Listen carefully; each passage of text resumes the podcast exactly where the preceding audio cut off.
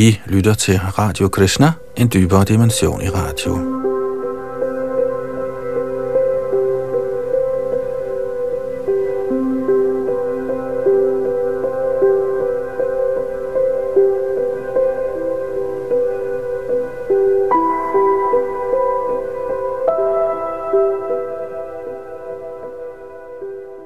I hengivenhedens nektar er vi nået til kapitel 24, der hedder yderligere karaktertræk hos Sri Krishna. I sidste kapitel hørte vi om Krishnas personlighed, og øh, i denne her 11. del af vores oplæsning fra hengivenhedens nektar, skal vi altså høre om yderligere karaktertræk hos Sri Krishna, Guddommens højeste person, og bag mikrofonen sidder Yadunandandas, han styrer også teknik.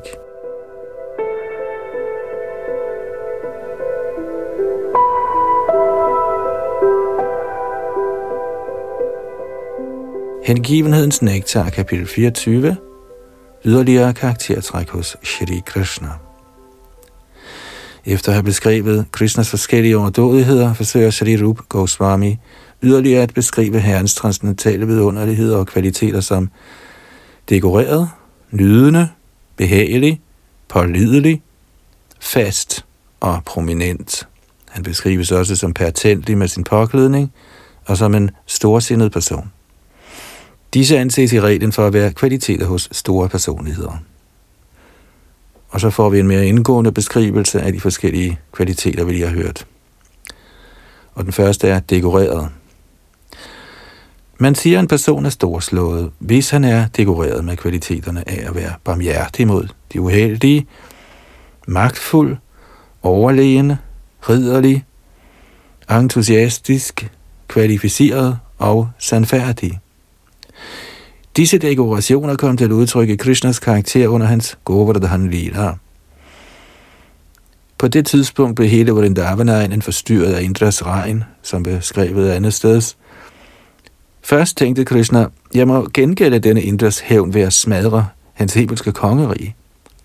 Men senere, da han tænkte over himmelkongens ubetydelighed, skiftede Krishna mening og følte barmhjertighed med Indra.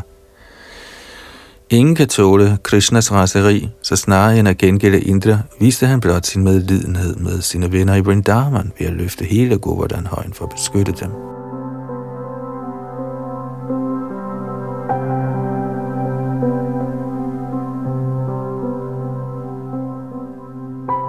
Nydende Når det ses, at en person altid er lykkelig og taler smilende, anses han for at befinde sig i en tilstand af nydelse – dette træk sås i Krishna, da han fremstod på kong Kangsas offerarena. Det beskrives, at lotusøjet Krishna trådte ind blandt bryderne uden at være uhøflig mod dem, lod sit beslutsomme blik glide hen over dem og forekom dem at være ligesom en elefant, der gik til et angreb på nogle planter. Selv mens han talte til dem, smilte Krishna stadigvæk, og på den måde stillede han sig i tappet på bryderbodiet.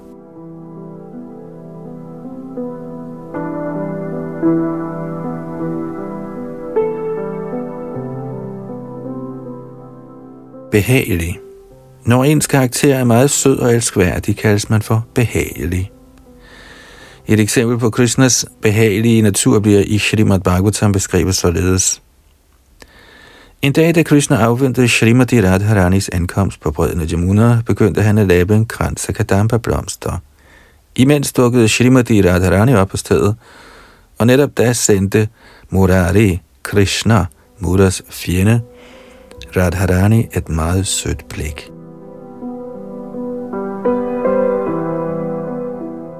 Pålidelig. Den man kan regne med i alle situationer kaldes for pålidelig. Her siger Rup Goswami, at selv dæmonerne stolede på Krishnas pålidelighed, fordi de var sikre på, at Krishna aldrig ville angribe dem uden rimelig grund.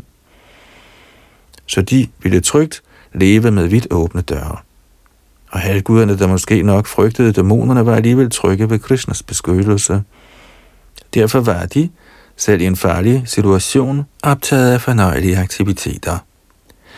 Personer, som aldrig havde gennemgået de vediske forbedringsritualer, var sikre på, at Krishna udelukkende ville acceptere tro og hengivenhed, så de var optaget af Krishna bevidsthed og fri for al bekymring. Med andre ord kan alle slags mænd, fra halvguder og ned til de ukultiverede, udelukkende afhænger af Herrens årsagsløse barmhjertighed.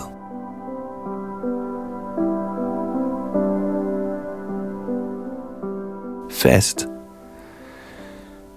Den, som ikke forstyrres selv i modgang, kaldes for fast. Denne fasthed kunne konstateres i Krishna i forbindelse med hans afstraffelse af dæmonen Barna. Barna-dæmonen havde mange hænder, og Krishna huggede disse hænder af, en efter en. Denne Barna var en af herren Shivas og gudinden Durgas hengivne tilhængere. Så da Barna blev tugtet, blev Shiva og Durga meget forarvet på Krishna, men Krishna var ligeglad med dem.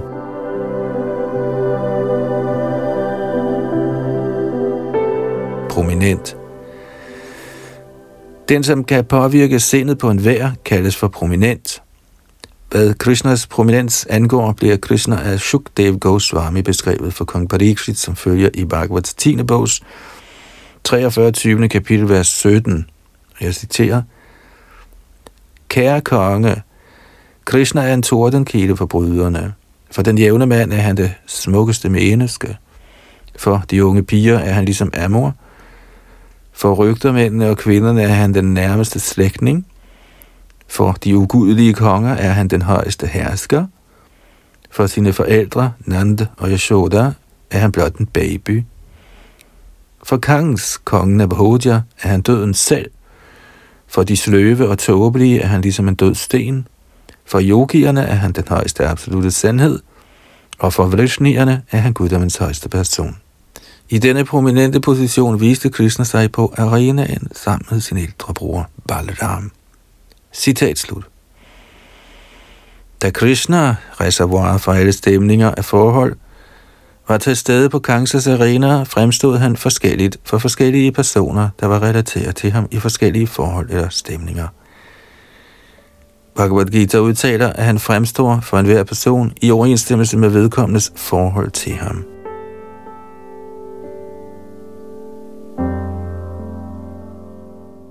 Samtidig beskriver de lærte prominent, som betyder en person, der ikke finder sig i at blive forsømt. Denne særenhed hos Krishna kunne observeres, da Kangs fornærmede Maharaj Nand. Vasudev bad Krishna om hjælp til at dræbe Kangs. Og Krishna kiggede på Kangs med længselsfulde øjne, ligesom en prostitueret, og han gjorde sig klar til at gå løs på kongen.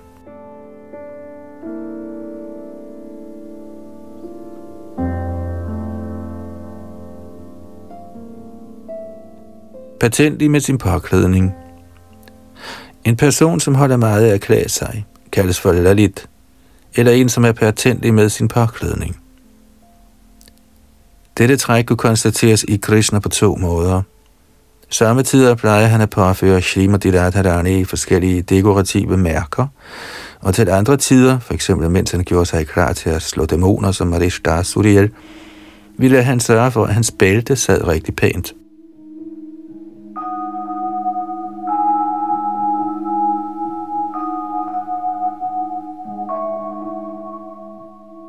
Storsindet. En person, som kan give sig i selv til hvem som helst, kaldes for storsindet. Ingen kunne være mere storsindet end Krishna, fordi han altid er klar til helt at give sig selv til sin hengivne. Selv til den, som ikke er hengiven, er Krishna, i skikkelse af Herren Chaitanya, klar til at give sig selv og skænke befrielse.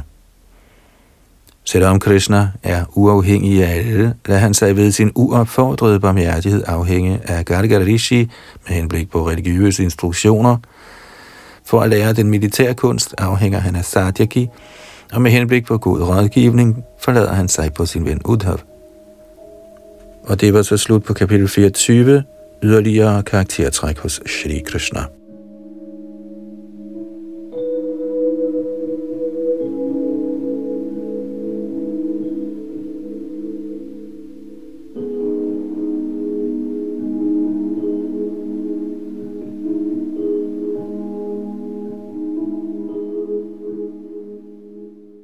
Hengivenhedens nektar, kapitel 25, Krishnas hengivne. En person, der altid er fordybet i Krishna-bevidsthed, kaldes for Krishnas hengivne. Shrita Rup Goswami siger, at alle de transcendentale kvaliteter, der blev diskuteret tidligere, også ses i Krishnas hengivne. Krishnas hengivne kan klassificeres i to grupper. De, som dyrker hengiven tjeneste for at få adgang til det transcendentale kongerige, og de, som allerede befinder sig på den hengivne tjenestes fuldkommende niveau. En person, der er nået til stadiet af tiltrækning til Krishna, og som ikke er sluppet ud af den materielle blindgyde, men som har kvalificeret sig til at betræde Guds rige, kaldes for sadhak. Sadhak vil sige en person, som er optaget af at dyrke hengivenhed i Krishna-bevidsthed. Beskrivelsen af en sådan hengiven kan findes i Srimad Bhagavatams 11. bogs andet kapitel, vers 46. Her står, at den, som nærer urokkelig tillid og kærlighed til guddommens person, som er venner med Krishnas hengivne, og som er meget barmhjertig mod de uvidende og hæver dem til den hengivne tjeneste standard, og som er uinteresseret i de ikke hengivne, anses for at befinde sig i positionen af den hengivne tjenestes dyrkning.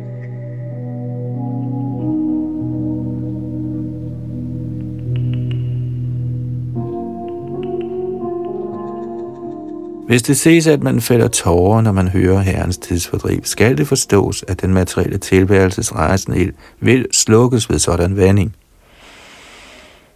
Når det kan ses, at kroppen skælver, og lægemshårene rejser sig, skal det forstås, at den hengivne nærmer sig det fuldendte niveau. Et eksempel på en sådan sadhak, der dyrkede hengiven tjeneste, er Bilva Mongol Thakur,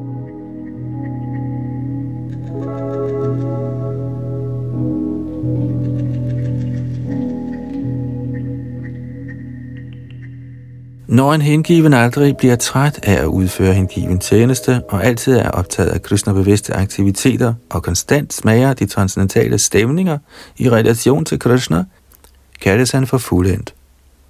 Dette fuldendte niveau kan opnås på to måder. Man kan opnå det fuldendte stadie ved den hengivende tjenestes gradvise proces, eller også kan man nå til fuldendelse gennem Krishnas årsagsløse barmhjertighed – selvom man ikke har gennemført alle den hengivne tjenestes detaljer. Man finder følgende udtalelse i Srimad Bhagavatams 3. bogs 15. kapitel, vers 25, der beskriver en hengiven, der opnår perfektion ved at praktisere hengiven tjeneste regelmæssigt. En person, som er fri for den materielle tilværelses falske egoisme, eller en fremskreden mystiker, er egnet til at betræde Guds rige, kendt som Vaikuntha. En sådan mystiker bliver så fuld af glæde ved sin konstante udøvelse af den hengivne tjenestes regulerende principper, at han derved opnår den højeste herres særlige gunst. Yamaraj, dødens magtfulde tilsynshavende, er bange for at komme tæt på en sådan hengiven. Derfor kan man blot forestille sig kraften i fremskriden hengiven tjeneste, især når de hengivne sidder sammen og taler om guddoms højste persons leje. Disse hengivne udtrykker deres følelser på en sådan måde, at de automatisk smelter i ekstase, og mange transcendentale symptomer viser sig i deres læmer. En hver, der begærer at skride fremad i hengiven tjeneste, må gå i sådanne hengivnes fodspor.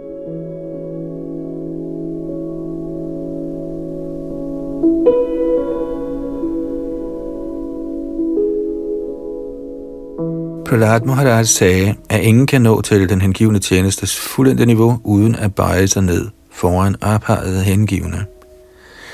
Lærte vismænd såsom Markandeya Rishi opnåede fuldkommengørelse i hengiven tjeneste ved blot at overholde de regulerende principper for sådan tjeneste. En persons fuldkommengørelse i hengiven tjeneste alene i kraft af Herrens årsagsløse nåde – beskrives i Srimad Bhagavatam i forbindelse med braminerne og deres hustruer, der var optaget af yagya, eller offer. Da braminernes hustruer blev givet Krishnas barmhjertighed og straks opnåede Guds kærlighedens henrykkelse, udbrød deres mænd.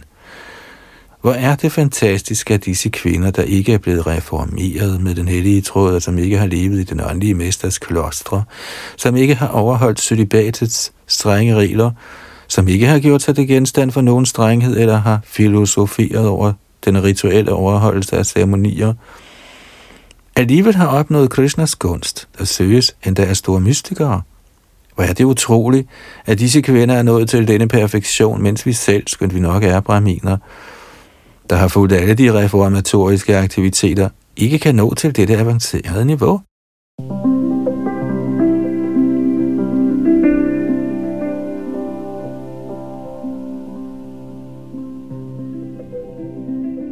Narad siger noget lignende til Shukdev Goswami. Jeg citerer, Kære Shukadev Goswami, du gjorde dig aldrig den ulejlighed at leve under den åndelige mesters omsorg. Og alligevel er du nået til en sådan ophøjet status og transcendental viden. Du underlagde dig aldrig nogen barske skæse, og dog er du utrolig nok blevet bragt op på Guds kærlighedens mest fuldendte niveau. Citat slut. Shukadev Goswami og hustruerne til braminerne, der forrettede Jagnya, er lysende eksempler på hengivne, der opnåede den hengivne tjenestes fuldkommende niveau ved guddommens højeste persons barmhjertighed.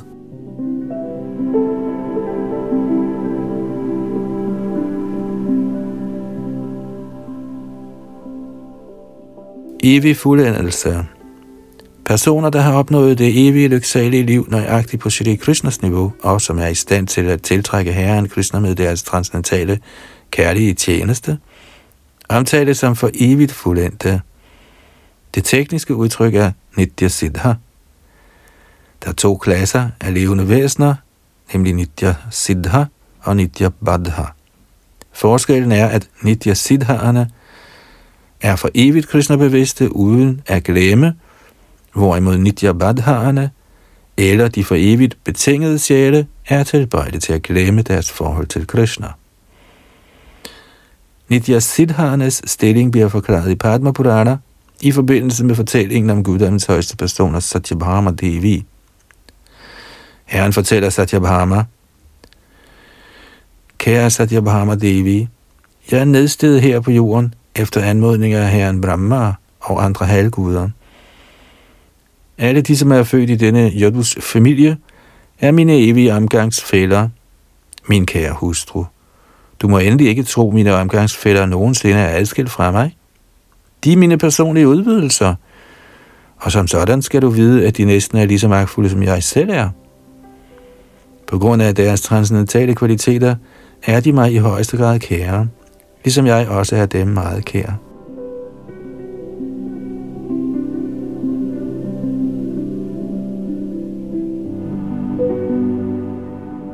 Den, som bliver opstemt af at høre om Krishnas lege her på jorden sammen med sine omgangsfælder, skal anses for Nitya Siddha, for evigt fuldendt.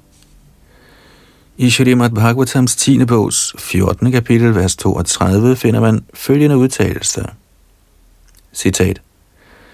Hvor er Vrindavans indbyggere fantastiske, såsom for eksempel Nanda og de andre rygtere, Guddommens højeste person, den højeste Brahman, er i virkeligheden blevet til deres nære ven. Citat slut. En lignende udtalelse kan findes i Bhagavats 10. bogs kapitel 26, vers 10. Da Krishna hævede Govardhan-højen, blev rygterne under Krishnas beskyttelse slået af forundring, og de gik over til Nand Maharaj og spurgte ham, Kære Nand Maharaj, hvordan kan det være, at vi er så intens knyttet til Krishna, og Krishna er så intens knyttet til os. Betyder det, at han er en overtal?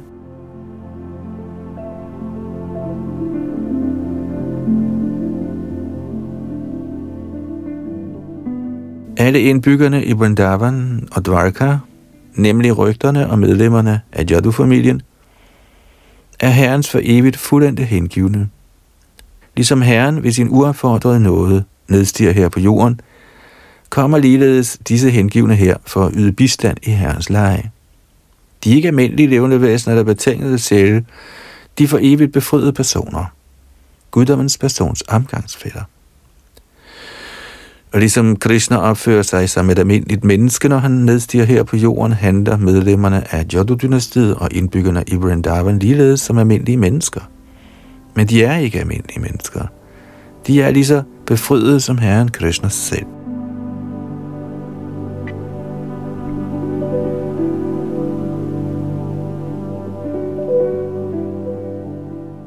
I Padma Puranas Uttarakhanda del står der, og jeg citerer, Ligesom herren Ramchandra nedstiger sammen med Lakshmana, en udvidelse af Shankarashan, og Bharat, en udvidelse af Pradyumna, nedstiger ligeledes medlemmerne af Yadu-dynastiet og Vrindavans rygter og sammen med Krishna for at slutte sig til herrens transcendentale lag. Når den højeste herre vender tilbage til sin evige bolig, vender hans omgangsfælder tilbage sammen med ham til deres henholdsvise steder. Som sådan er disse for evigt frie Vaishnavarer ikke bundet af fødsens og dødens materielle love. Citat slut. Som Herren selv udtaler i Bhagavad Gita, er hans fødsel, dåd og aktiviteter alle sammen transcendentale. Ligeledes gælder det også for Herrens omgangsfælder, at deres fødsel, dåd og gerninger er transcendentale. Og ligesom det er en fornærmelse at opfatte sig selv som Krishna, er det ligeledes fornærmeligt at tro, at man er Yashoda, Nanda eller nogen af herrens øvrige venner. Vi må hele tiden huske, at de er transcendentale, de er aldrig betingede sjæle.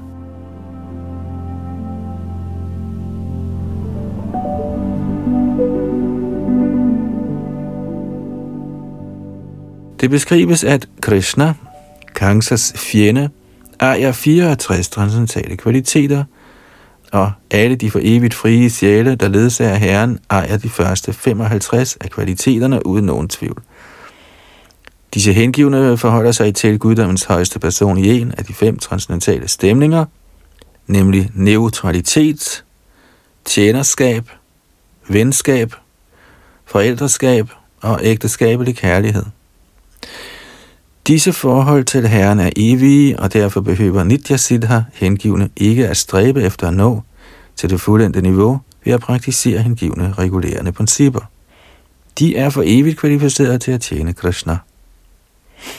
Og det var slut på kapitel 25, Krishnas hengivne.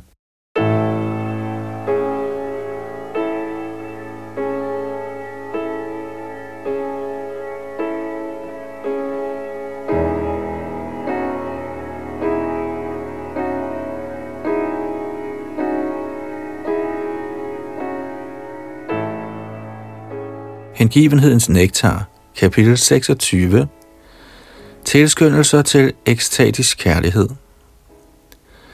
Nogle ting, der giver drivkraft til eller stimulerer henryk kærlighed til Krishna, er hans transcendentale kvaliteter, hans usædvanlige aktiviteter, hans smilende fremtoning, hans påklædning og kranse, hans fløjte, hans bøffelhorn, hans ankelbjæller, hans konkylie, hans fodspor, de steder, hvor hans leje udspiller sig, såsom Brindavan, hans yndlingsplante Tulsi, hans hengivne og de periodiske højtider til ihukommelse af ham.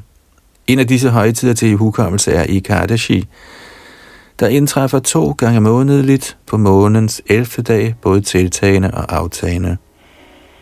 Den dag og hele natten igennem faster de hengivne og lovpriser uafbrudt Herrens herligheder.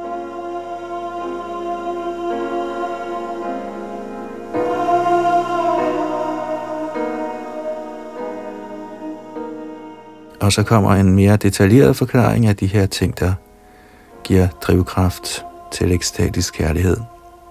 Og den første er Krishnas transcendentale kvaliteter, hans usædvanlige aktiviteter og hans smil. Hvad Krishnas transcendentale kvaliteter angår, kan de inddeles i tre grupper. Kvaliteter i relation til hans transcendentale krop, kvaliteter i relation til hans transcendentale ord, og kvaliteter i relation til hans transcendentale sind. Krishnas alder, hans transcendentale lægens træk, hans skønhed og hans mildhed er kvaliteter, der har at gøre med hans krop. Der er ingen forskel på Krishna og hans krop, og derfor er de transcendentale træk ved hans krop det samme som Krishna selv. Men fordi disse kvaliteter stimulerer den hengivnes ekstatiske kærlighed, er de blevet analyseret som adskilte årsager til sådan kærlighed. At være tiltrukket af Krishnas kvaliteter vil sige at være tiltrukket af Krishna selv, fordi der ingen virkelig adskillelse er mellem Krishna og hans kvaliteter. Krishnas navn er også Krishna. Krishnas berømmelse er også Krishna. Krishnas følge er også Krishna. Krishna og alt i relation til Krishna, der stimulerer til kærlighed til Krishna, er alt sammen Krishna, men med henblik på vores forståelse kan disse ting betragtes hver for sig.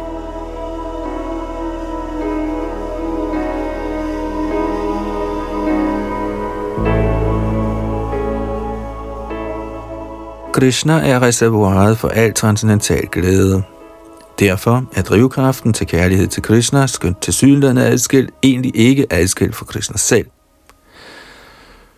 Udtrykt teknisk på sanskrit bliver kvaliteter såsom Krishnas navn og berømmelse accepteret som både reservoir for og som drivkræfter til kærlighed til Krishna. Krishnas alder inddeles i tre perioder. Tiden fra dagen for hans fremkomst og frem til slutningen af hans femte år kaldes for Kaumarte. Tiden fra begyndelsen af det sjette år og frem til slutningen af det tiende år kaldes for Bauganda – og perioden fra det 11. og frem til slutningen af det 15. år kaldes for Geishod. Efter begyndelsen af det 16. år kaldes Krishna for Jovan, eller en ung mand, og dette fortsætter uden forandring. For så vidt angår Krishnas transcendentale leje, bliver disse for størstedelen udført i perioderne af Kaumara, Bauganda og Kaishore.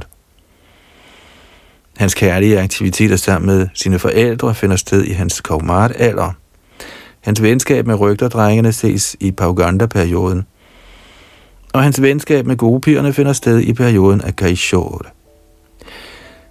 Krishnas aktiviteter i Vrindavan ophører ved slutningen af hans 15. år, og herefter bliver han bragt til Mathura og Dvarka, hvor alle andre lege finder sted.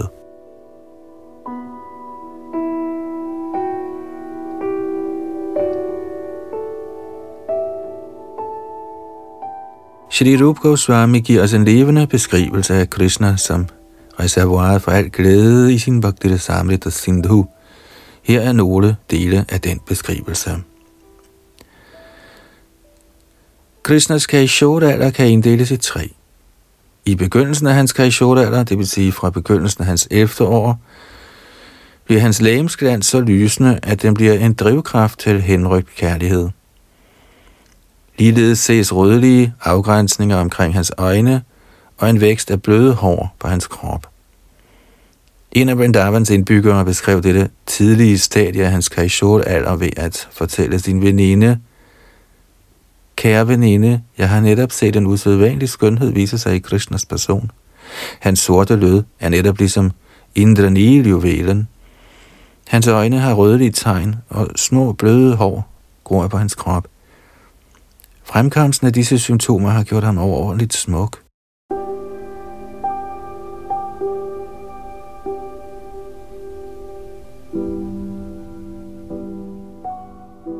I den forbindelse fortæller Shukadev Goswami Kong Pariksit i Srimad Bhagavatams 10. bogs 21. kapitel, vers 5, citat, Kære konge, jeg vil prøve at beskrive, hvordan gopiernes sind blev opslugt af tanker på Krishna.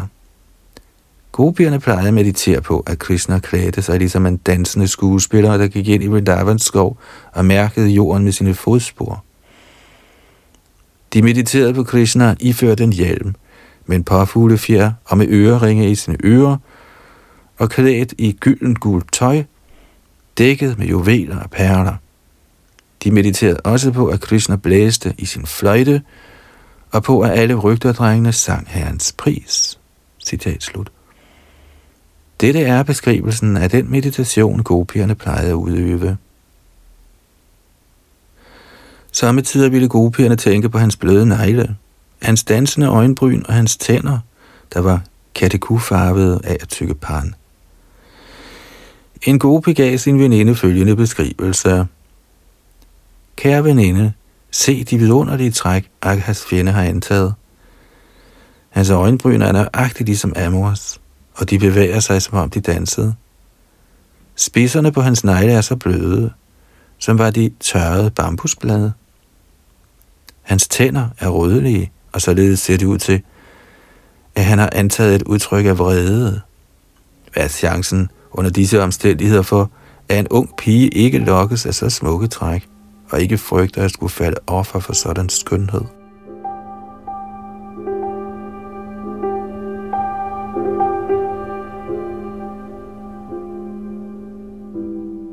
Krishnas tillokkende træk bliver også beskrevet af Vrindar, eller den gopi, efter hvem Vrindavan har sit navn. Hun fortalte Krishna, citat, Kære Madhav, dit nyligt opfundet smil har fængslet gopiernes hjerter i den grad, at de ganske enkelt har tabt evnen til at udtrykke sig selv. Som sådan er de blevet forvirret og nægter at tale med andre. Alle disse gopier er blevet så ramt, at det er som havde de stænket deres liv med vand tre gange. Med andre ord har de tabt alt håb om at leve videre. Citat slut. Ifølge det indiske system bliver der, når en person dør, stænket vand over kroppen. Således viser Vrindas udtalelse, at gopierne blev så bedåret af Krishnas skønhed, at de, fordi de ikke kunne udtrykke deres følelser, havde besluttet sig for at begå selvmord.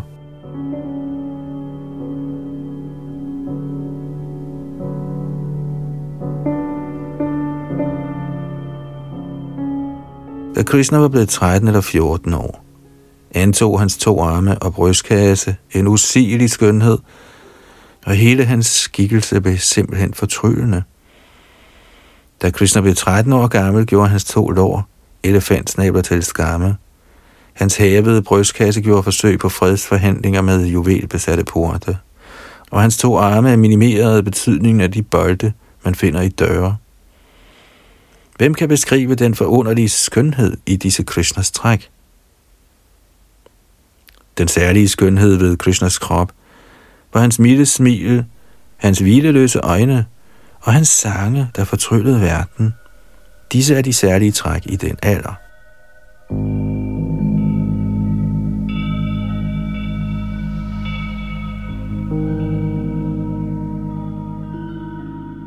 Der er en udtalelse i den forbindelse om, at Krishna, da han var nået til netop den alder, udviste så smukke lægemstræk, at hans restløse øjne blev til Amors legetøj, og hans milde smil lignede en nyligt udsprunget lotus.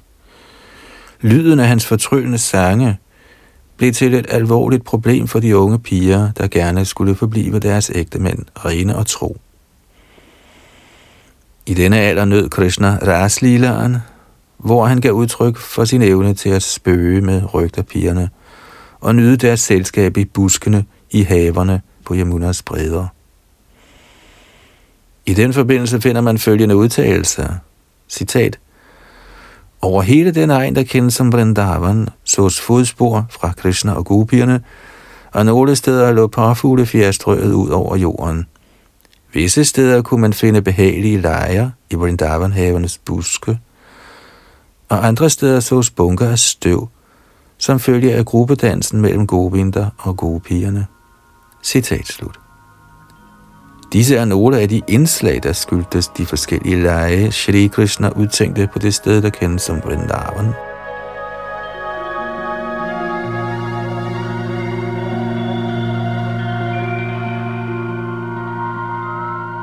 En af gopierne beskriver Krishnas tillokkende træk i denne alder med følgende udtalelser.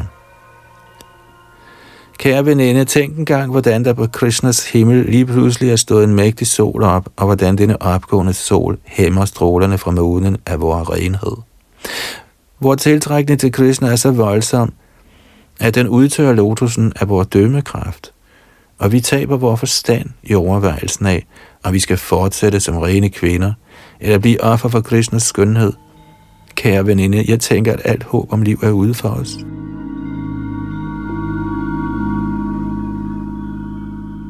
I Kaishore-alderen, der begynder fra det 11. år og fortsætter frem til slutningen af det 15. år, blev Krishnas arme, ben og lår mærket med tre afgrænsende linjer. Til den tid udfordrede Krishnas brystkasse bjerg af Malkat juveler. Hans arme udfordrede søjler af Indranil juveler. De tre linjer på hans talje udfordrede Yamuna-flodens bølger, og hans lår udfordrede smukke bananer. En af gopierne udbrød, med alle disse udsøgte særpræg på sin krop er Krishna alt for usigeligt smuk, så jeg tænker hele tiden, at han må beskytte mig, da han er en hver dæmons drabsmand. Tanken i denne udtalelse er, at gopierne sammenlignede deres tiltrækning til Krishna med et angreb fra dæmoner. For at modvirke deres dragning til Krishnas skønhed, vendte de sig også håbefuldt til Krishna, fordi han dræber alle slags dæmoner. Med andre ord var de rådvilde, fordi de på den ene side blev lokket af Krishnas skønhed, og på den anden side havde brug for Krishna for at uddrive dæmonen af denne tillokkelse.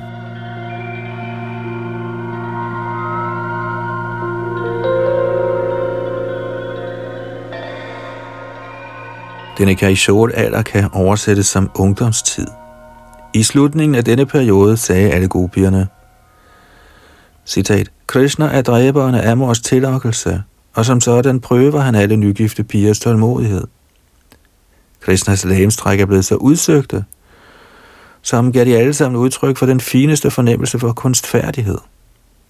Hans dansende øjne har dulmet glansen af selv den mest strålende danser, og der findes ikke længere noget, der kan sammenlignes med Krishnas skønhed. Citat slut. De lærte beskriver derfor hans lægemstræk i denne periode som Novajovan, nyligt udviklet ungdommelighed. På dette stadie af Krishnas lægemstræk bliver de ægteskabelige kærlighedsaffærer sammen med gopierne og lignende fornøjelser meget fremtrædende. De ægteskabelige kærlighedsaffærer har seks aspekter, der kaldes for at slutte fred, at ybe kiv, at gå hen for at møde sin elsker, at sidde sammen, adskillelse og støtte. Herren Krishna udfoldede et kejserige af disse seks aspekter, af hvilke han var den herskende prins. Et sted yppede han kiv med de unge piger, et andet sted kredsede han dem med negle fra papegøjer, et tredje sted var han travlt beskæftiget med at besøge gopierne, og i fjerde sted forhandlede han gennem sine rygtervenner om at søge gopiernes ly.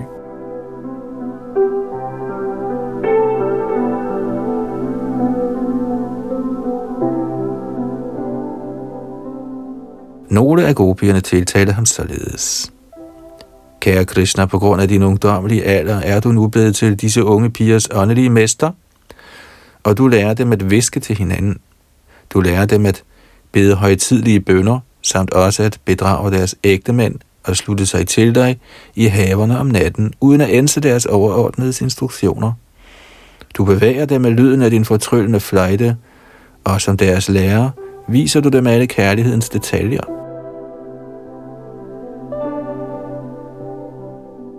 Det siges, at Krishna, sågar som blot femårig dreng, udviste sådanne ungdommelige energier, men de lærte forklare dem ikke på grund af manglen på en passende alder.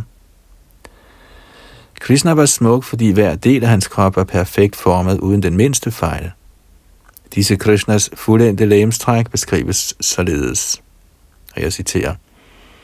Kære fjende af Kangs, dine brede øjne, dit hævede bryst, dine to søjlelignende arme og den midterste slanke del af din krop er til enhver tid fortryllende for enhver lotusøjet smuk pige.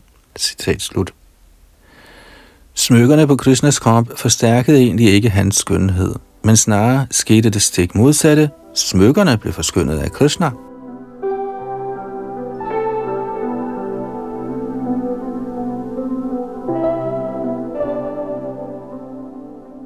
En person kaldes for mild, når han ikke engang kan tåle at blive berørt af selv den blødeste ting.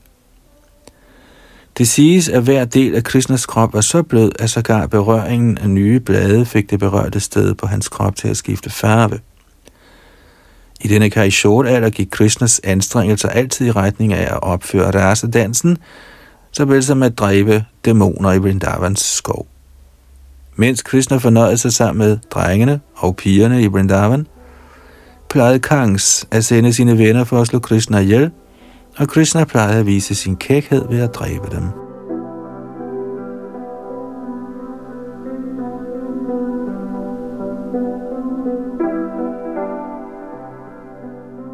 Krishnas klædning og kranse. Generelt er Krishnas krop iført fire slags klædningsstykker. Hans skjorte, turban, bælte og gangklæder. I Vrindavan plejer han at klæde sig i rødt tøj med en gylden skjorte og en orange turban på sit hoved. De forskellige slags bælter i kombination med hans fortryllende smil forøgede altid den transcendentale lyksalighed hos hans omgangsfælder. Krishnas påklædning beskrives som pragtfuld. Ligesom en babyelefant samtidig iføres kulørte klæder, kom ligeledes Krishnas pragt til udtryk ved sådanne kulørte klæder på hans forskellige lægemstede.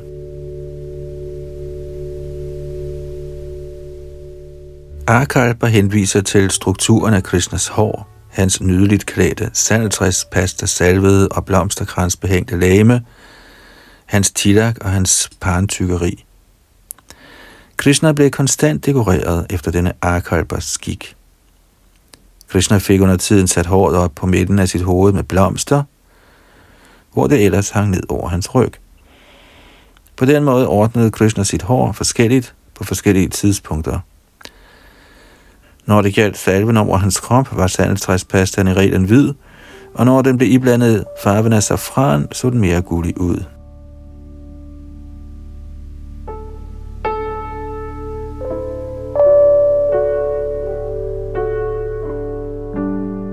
Krishna plejer at hænge en Vajjayanti-krans om sin hals. Denne Vajjayanti-krans laves af blomster i mindst fem forskellige farver.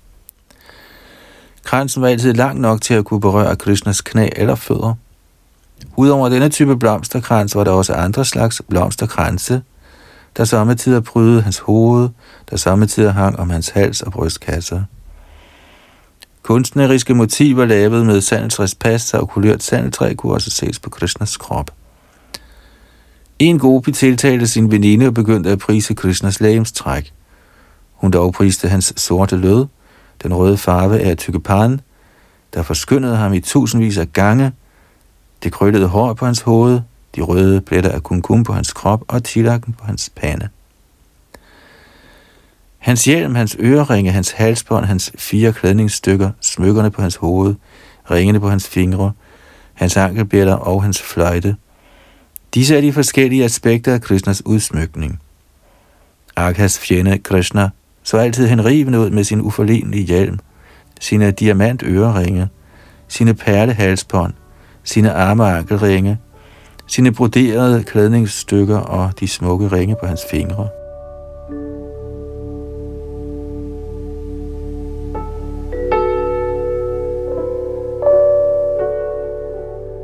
Krishna kaldes samtidig for Vanamali.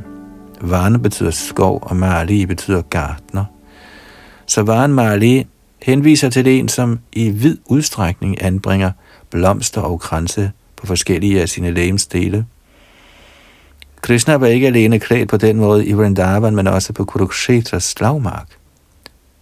Besynet af sådanne kulørte klæder og kransene af forskellige blomster, udtalte nogle vismænd. Krishna kom til Kurukshetras slagmark ikke for at slås, men for at velsigne alle de hengivne med sin tilstedeværelse.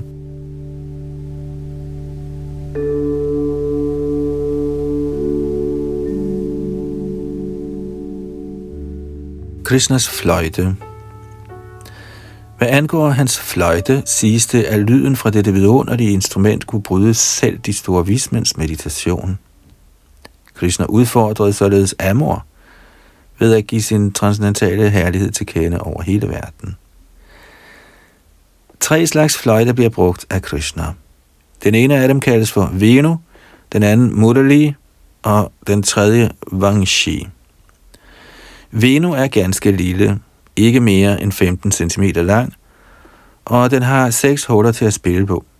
Murali er omtrent 45 cm lang med et hul for enden og fire huller langs kroppen. Denne slags fløjte frembringer en meget fortryllende lyd. Wangxi er omtrent 40 cm lang med ni huller langs kroppen. Krishna plejede lejlighedsvis at spille på disse tre typer af fløjter, når der var brug for dem. Krishna har en længere vangshi, der kaldes for Mahananda, eller Sammohini. Når den er endnu længere, kaldes den for Akarshini. Og når den er længere end selv det, kaldes den for Anandini. Anandini-fløjten er meget behagelig for rygterdrengene og kaldes teknisk for Vangshuli. Disse fløjter var under tiden prydet med juveler. Samtidig var de lavet af marmor, og samtidig af hul bambus. Er fløjten lavet af juveler, kaldes den for sammohini. Når den er af guld, kaldes den for akadashini.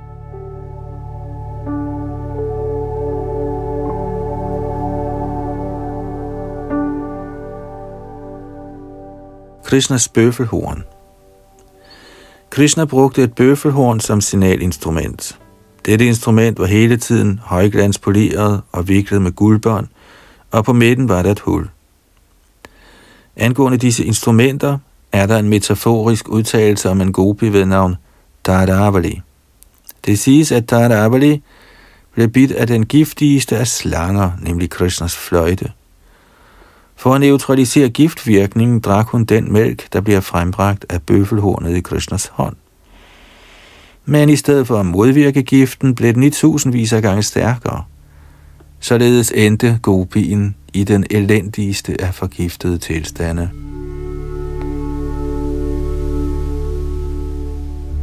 Krishnas tillokkende ankelbjæller. En gopi sagde engang til sin veninde, citat, Kære veninde, lige så snart jeg hørte lyden af Shri Krishnas ankelbjæller, begyndte jeg straks at gå ud af huset for at se ham. Men beklageligvis var mine overordnede til stede foran mig netop på det tidspunkt, og jeg blev forhindret i at gå udenfor. Citat slut. Krishnas konkylie Krishnas konkylie kendes som Panchajanya. Denne Panchajanya, konkylie, bliver også nævnt i Bhagavad Gita. Krishna blæste i den før slaget på Kurukshetra. Det siges, at når Herren Krishna blæser i sin transcendentale konkylie, rammes dæmonernes hustruer af spontane aborter, og halvgudernes hustruer bliver velsignet med al lykke. På den måde plejer lyden af Kristus konkylie at runge og genlyde over hele verden.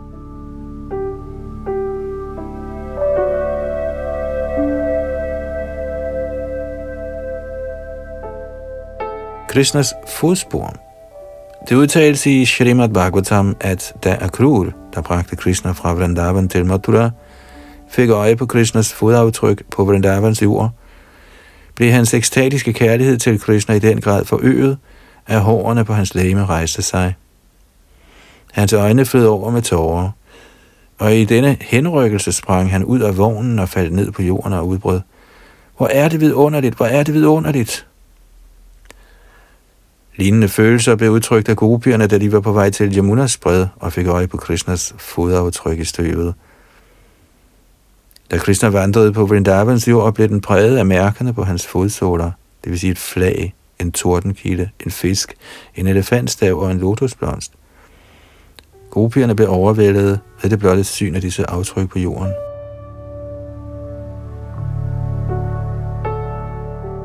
Stederne for Krishnas lege en hengivende udbrød. Ach, jeg har indtil videre endnu ikke besøgt de vidunderlige steder, hvor herrens leje blev opført men ved den blotte lyd af navnet Motura overmandes jeg glæder. Krishnas yndlingsplante Tulsi Herren Krishna holder meget af tulsiblade og knopper. Eftersom tulsiblad i reglen anbringes på Krishnas lotusfødder, bad en hengiven engang tulsi-knopperne om at give ham noget information om herrens lotusfødder. Den hengivne forventede, at tulsi-knopperne vidste noget om herlighederne ved herrens Krishnas lotusfødder. Krishnas hengivne. Man kan under tiden overmande sig glæde ved synet af en af herrens hengivne. Da Dhruva Maharaj altså, så to af Narayanas omgangsfælder nærme sig, rejste han sig straks op af oprigtig respekt og hengivenhed og blev stående foran dem med foldede hænder. Men grundet sin ekstatiske kærlighed kunne han næppe give dem nogen behørig modtagelse.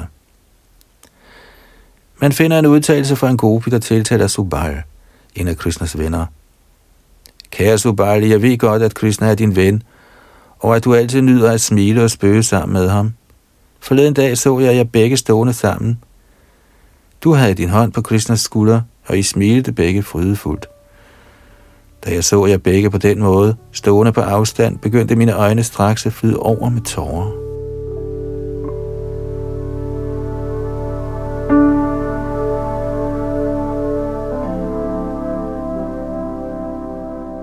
særlige dage til i hukommelse af Krishna.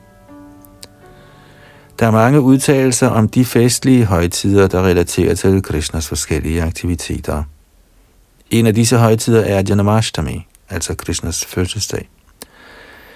Janamashtami er den allermest overdådige festival for de hengivne, og den bliver stadig helligholdt med stor pragt i enhver hindufamilie i Indien. Under tiden kommer der sågar tilhængere fra andre religiøse grupper og benytter sig af denne lykkebringende dag og nyder helligholdelsen af Janamashtami højtiden. Ekstatisk kærlighed til Krishna bliver også vagt på dagene for Ikadashi, som også er festdage i relation til Krishna. Og det var slut på kapitel 26, tilskyndelser til ekstatisk kærlighed.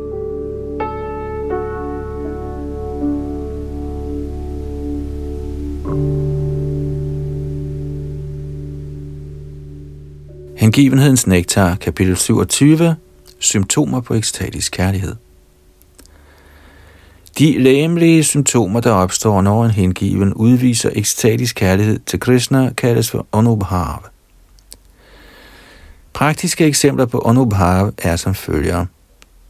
At danse, at rulle på jorden, at synge højlydt, at strække på kroppen, at græde højt, at gabe, at ånde tungt, at være ligeglad med andres tilstedeværelse, at savle, at le som en gal, at rulle med hovedet og at bøvse.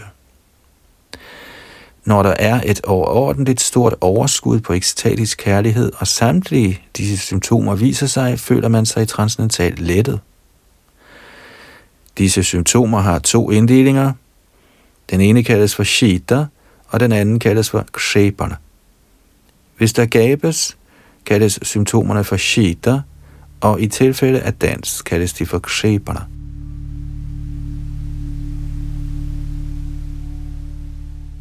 At danse i det han kiggede med på rasdansen, som udspillede sig mellem Krishna og gopierne, så Shiva Krishnas smukke ansigt og begyndte at danse og spille på sin lille dindim tromme. Mens Shiva dansede således henrygt, sluttede hans yngste søn Ganesh sig til ham. At rulle på jorden. I Srimad Bhagavatams 3. bogs første kapitel, vers 32, spørger Vidur Udhav. Citat. Kære ven, går det godt for Akrude?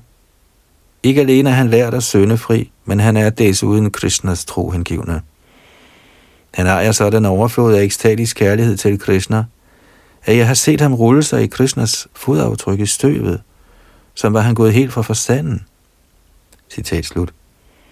Ligeledes gav en af gopierne Krishna den meddelelse, at Radharani på grund af adskillelsen fra ham og den fortryllende duft af hans blomsterkranse, rullede sig i støvet og herved gjorde skade på sit bløde læme.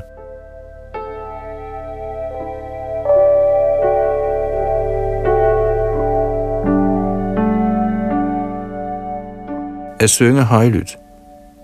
En gopi fortalte Krishna, at da Srimati Radharani besang hans herligheder, troldbandt hun alle sine veninder på en sådan måde, at de blev sløve ligesom sten. Samtidig begyndte stenene i nærheden at smelte i ekstatisk kærlighed. Da Narad Muni lovsang Hare Krishna mantra, sang han så højt, at man frygtede, at herren Nrisinga var kommet. Således begyndte alle dæmonerne at flygte i forskellige retninger. At strække på kroppen. Det siges, at sommetider, når Narad, der bærer vineren, husker sin herre Krishna i stor ekstase, begynder han at strække sin krop så voldsomt, at hans hellige tråd må vige.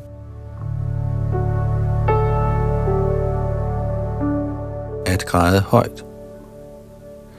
En gopi sagde engang til Krishna, Kære søn Ananda Maharaj, med lyden af din fløjte er Shrimati Radharani blevet ramt af sorg og frygt, og således græder hun med svigtende stemme, ligesom en kurati-fugl. Det bliver beskrevet, at herren Shiva bliver meget rådvild ved lyden af Krishnas fløjte, samt at han begynder at græde så højt ud i verdensrummet, at dæmonerne bliver besejret, og de hengivne overvældes af fryd. At gabe. Det siges, at når fuldmånen står op, folder lotusens kronblade sig ud.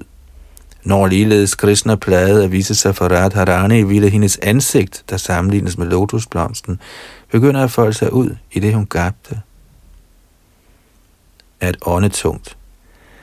Hvad angår tungt åndedræt, bliver det sagt, og jeg citerer, Lalita, der er en af gopierne, er netop ligesom en chartergifugl, der kun drikker det vand, der falder direkte fra regnskyen og ingen andre steder fra. Citat slut. I denne udtalelse bliver Krishna sammenlignet med den mørke sky, og Lolita bliver sammenlignet med Chartagi fuglen, der kun søger Krishnas selskab. Metaforen fortsætter med at sige, citat, ligesom en kraftig vind samtidig spreder en mægtig sky, fik ligeledes det tunge åndedræt fra Lalitas næsebor hende til at savne Krishna, der var forsvundet på det tidspunkt, hvor hun havde fattet sig.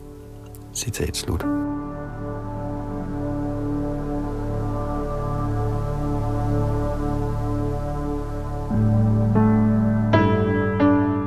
At være ligeglad med andres tilstedeværelse. Hvad angår ligegyldighed over for andres tilstedeværelse, forlod hustruerne til de braminer, der udførte offerritualer i Brandavan, straks deres hjem, lige så snart de hørte, at Krishna var i nærheden. De forlod deres huse uden at tage sig af deres lærte ægte mænd. Mændene begyndte at tale om dette med hinanden, og jeg citerer, Denne tiltrækning til Krishna er så vidunderlig, at den får kvinderne til at forlade os uden videre. Citat slut. Det er Krishnas indflydelse. Den, som lader sig lokke af Krishna, kan lettes for fødselens og dødens trældom, der kan sammenlignes med de aflåste huse, braminernes hustruer forlod. I Padjavali finder man følgende udtalelse fra nogle hengivne. Vi er ligeglade med udenforstående. Selvom de gør os til spot, er vi alligevel ligeglade med dem. Vi har simpelthen i scene at nyde den transcendentale smag i sangen Hare Krishna, og vi vil rulle os i støvet og danse henrygt. Sådan agter vi at nyde transcendental lyksalighed.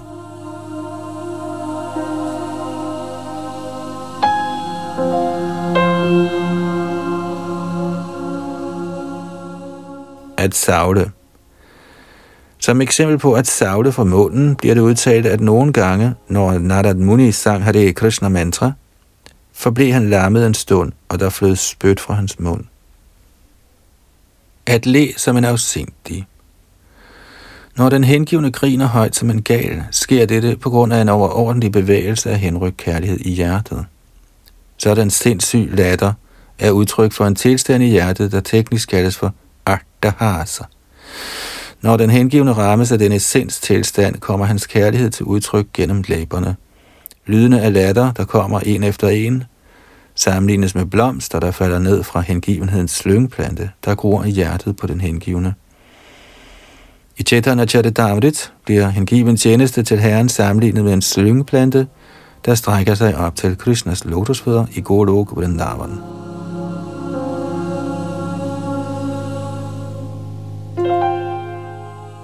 At rulle med hovedet.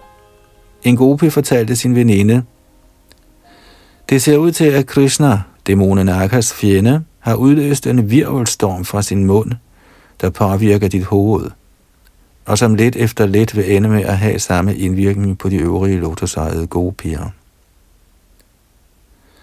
At bøvse. Samtidig kan bøvsen være et tegn på ekstatisk kærlighed til Krishna. Der er bevis herfor i Paranamasis tiltale af en af Radharanis grædende veninder. Citat – Kære datter, du skal ikke bekymre dig om, at Shrimati Radharani bøvser.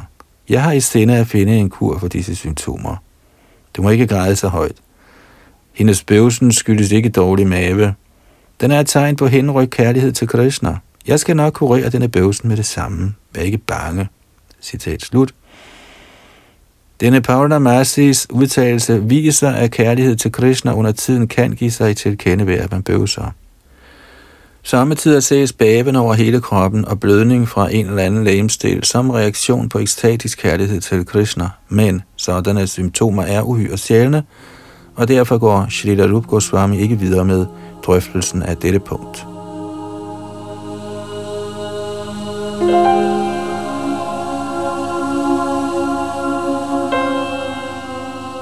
Og det var så slut på kapitel 27, symptomer på ekstatisk kærlighed. Her i hengivenhedens nektar, som oprindeligt er Shrila Prabhupads engelske opsummering af Rup Goswamis sanskritværk Bhaktita Samrita Sindhu, som vi så har oversat til dansk. Vi fortsætter med kapitel 28 og så fremdeles i næste ombæring, og det var Yadunandandas bag mikrofon og teknik.